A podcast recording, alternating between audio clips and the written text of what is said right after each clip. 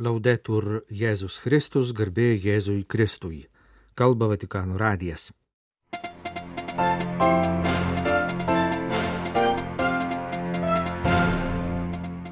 Maldos už taiką pasaulyje valanda Šventojo Petro bazilikoje. Taikos karalienė sutaikink savo vaikus apakintus neapykantos. Toliau mūsų laidoje kalbėsime apie Ukrainoje penktadienį švestą maldos ir pasninko už taiką dieną. Jeruzalės lotynų patriarchas prašo šventosios žemės krikščionys būti taikos kuriejais dabartiniais sunkiais laikais. Penktadienį popiežius priėmė sinode dalyvavusius rytų bažnyčių patriarchus. Iš jėzuitų vienuolijos pašalintam Ivanui Rupnikui bus keliama kanoninė teismo byla. Taikos karalienė globok visą pasaulį, ypač tas šalis, kurių gyventojai kenčia dėl karų ir konfliktų meldė popiežius Pranciškus, vadovaudamas maldos už taiką valandai, penktadienio vakarą vykusiai Šventojo Petro bazilikoje.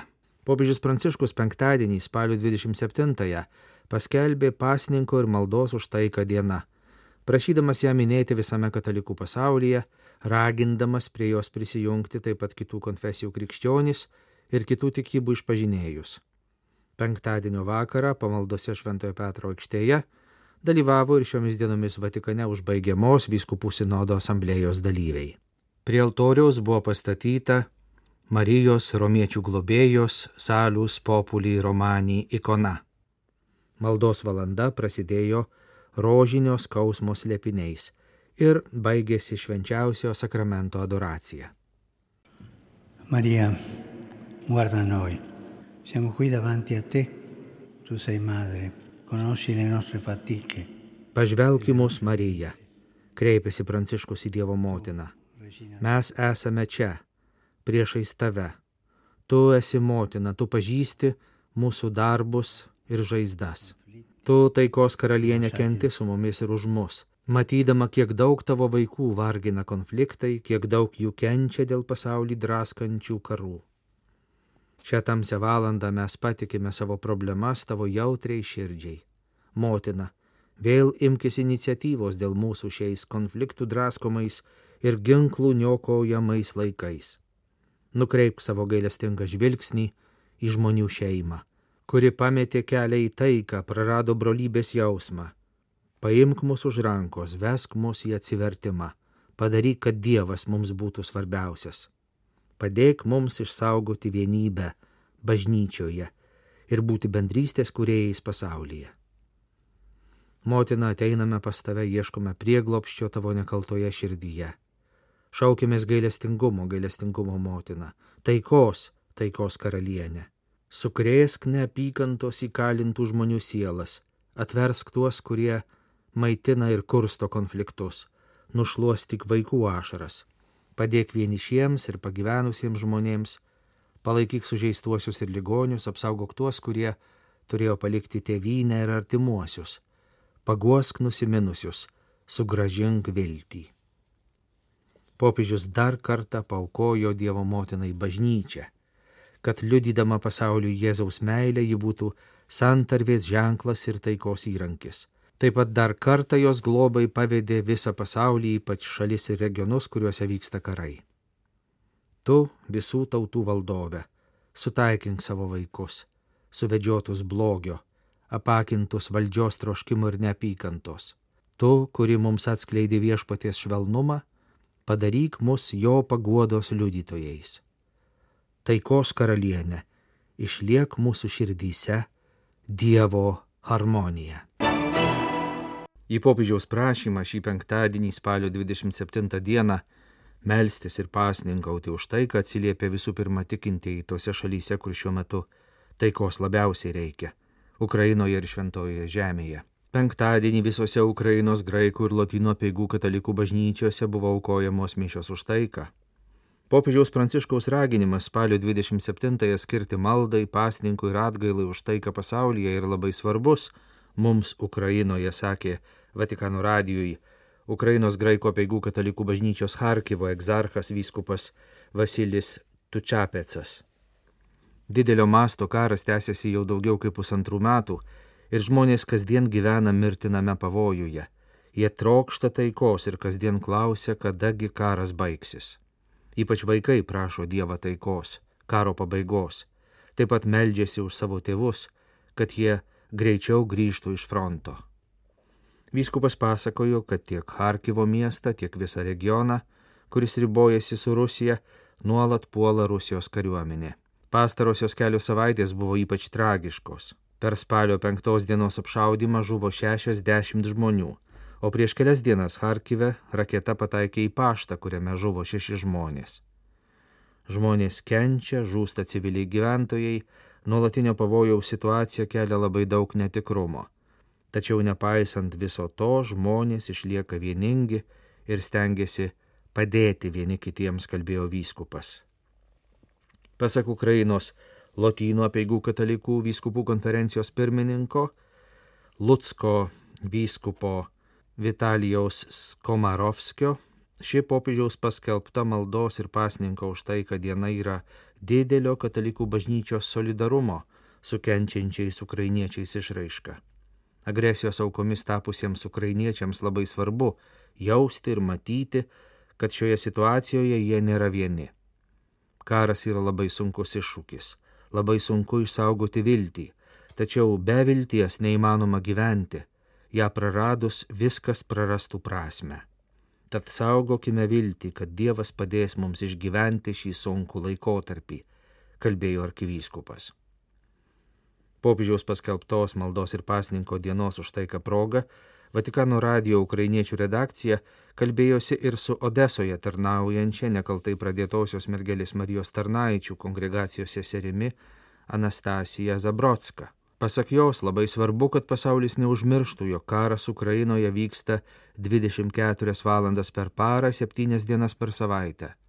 Žūsta žmonės, miršta vaikai, mokslininkai, menininkai, muzikantai, net chirurgai. Miršta būsimieji mokslininkai, būsimieji tyrėjai, būsimieji tėvai ir motinos.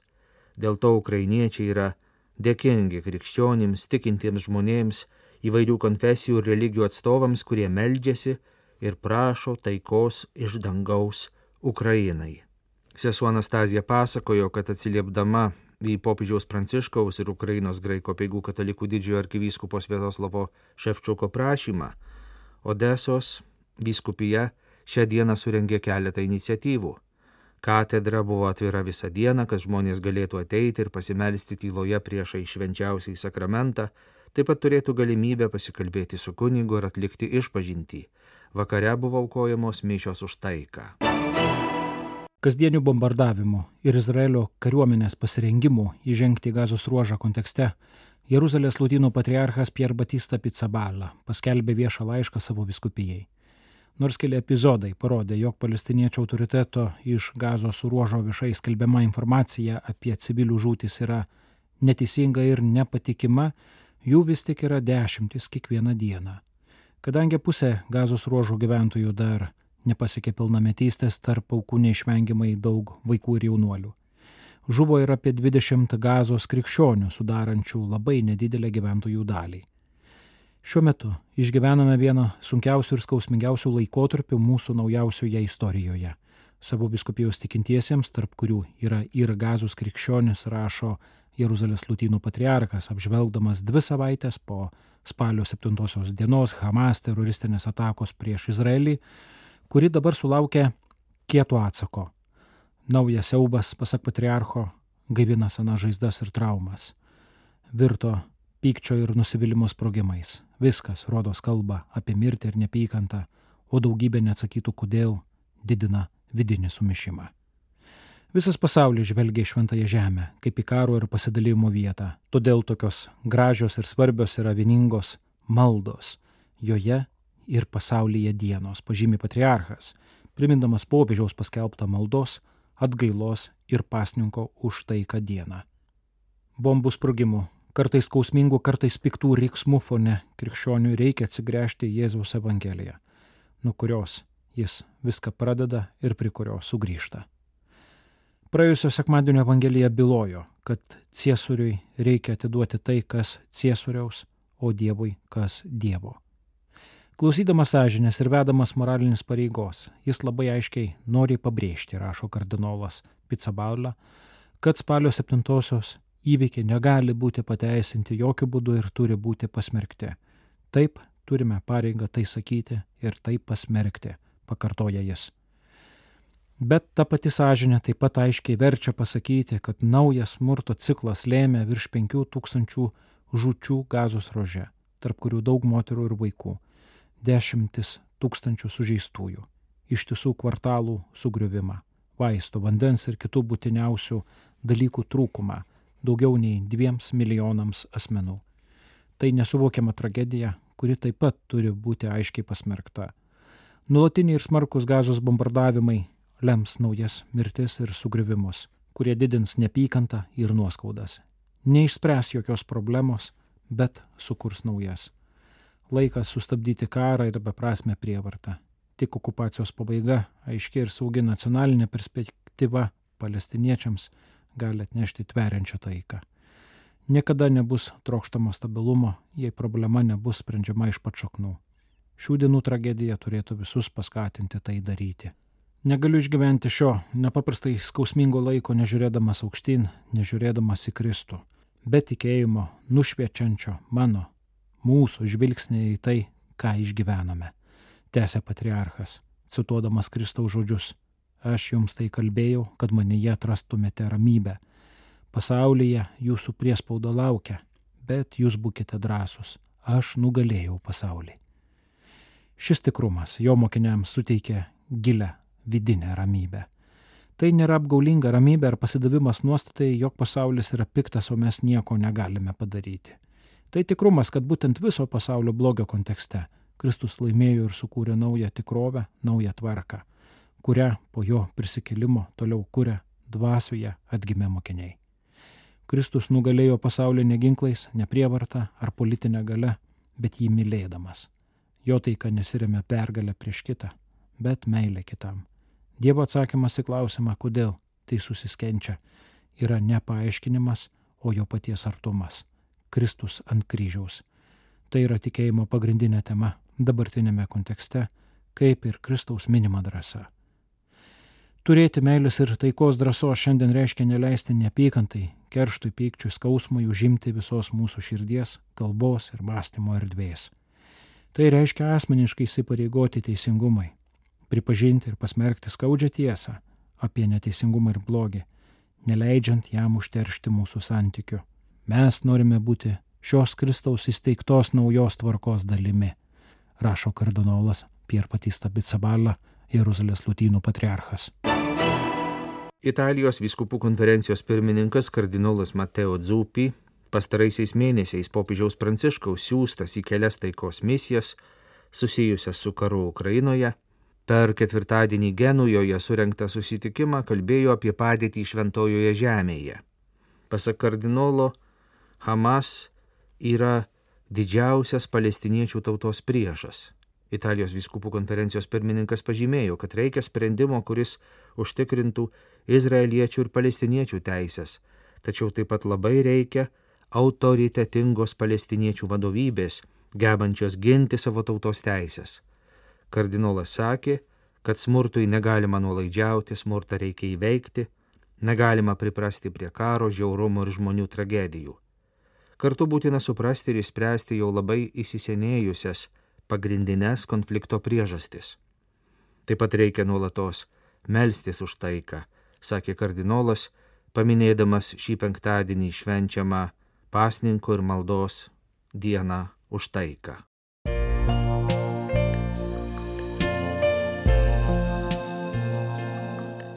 Jūs klausotės Vatikano radio. Tęsėme žinių laidą lietuvių kalba.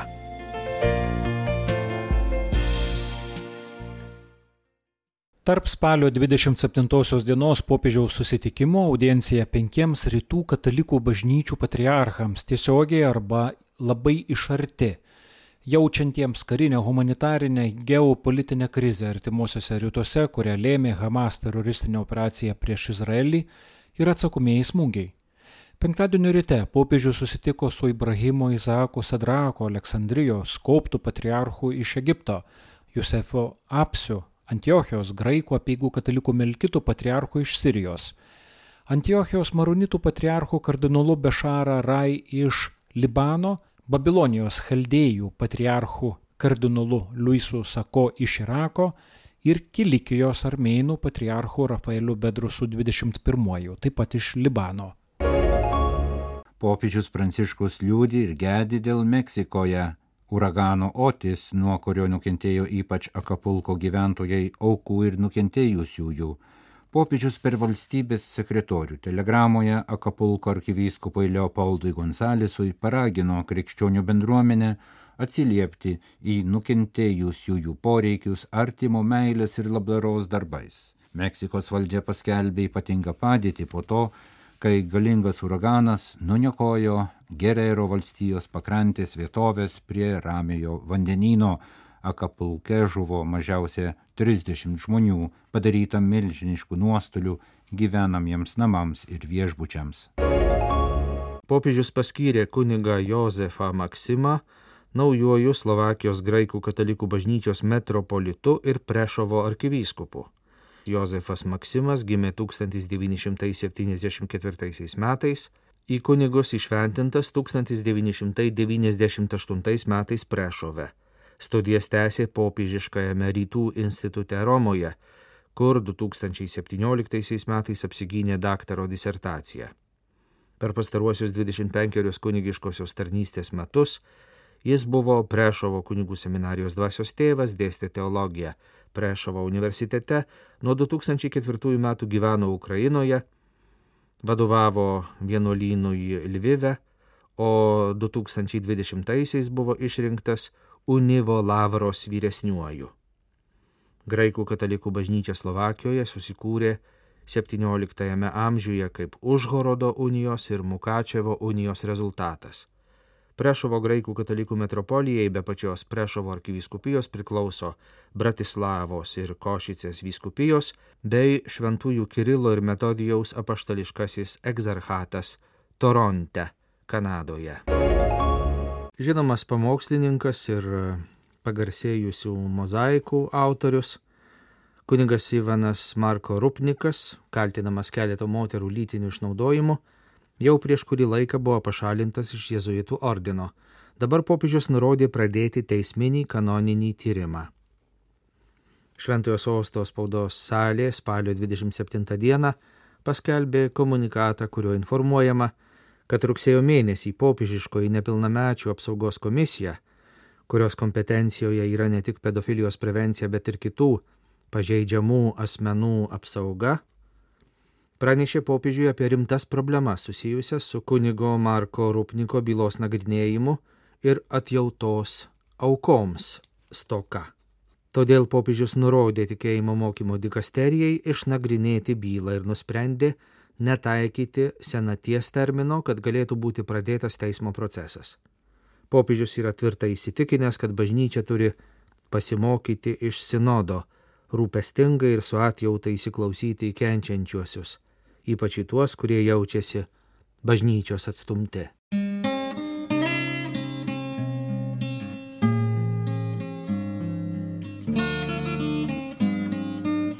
Kalba Vatikanų radijas. Laidą lietuvių kalba baigėme.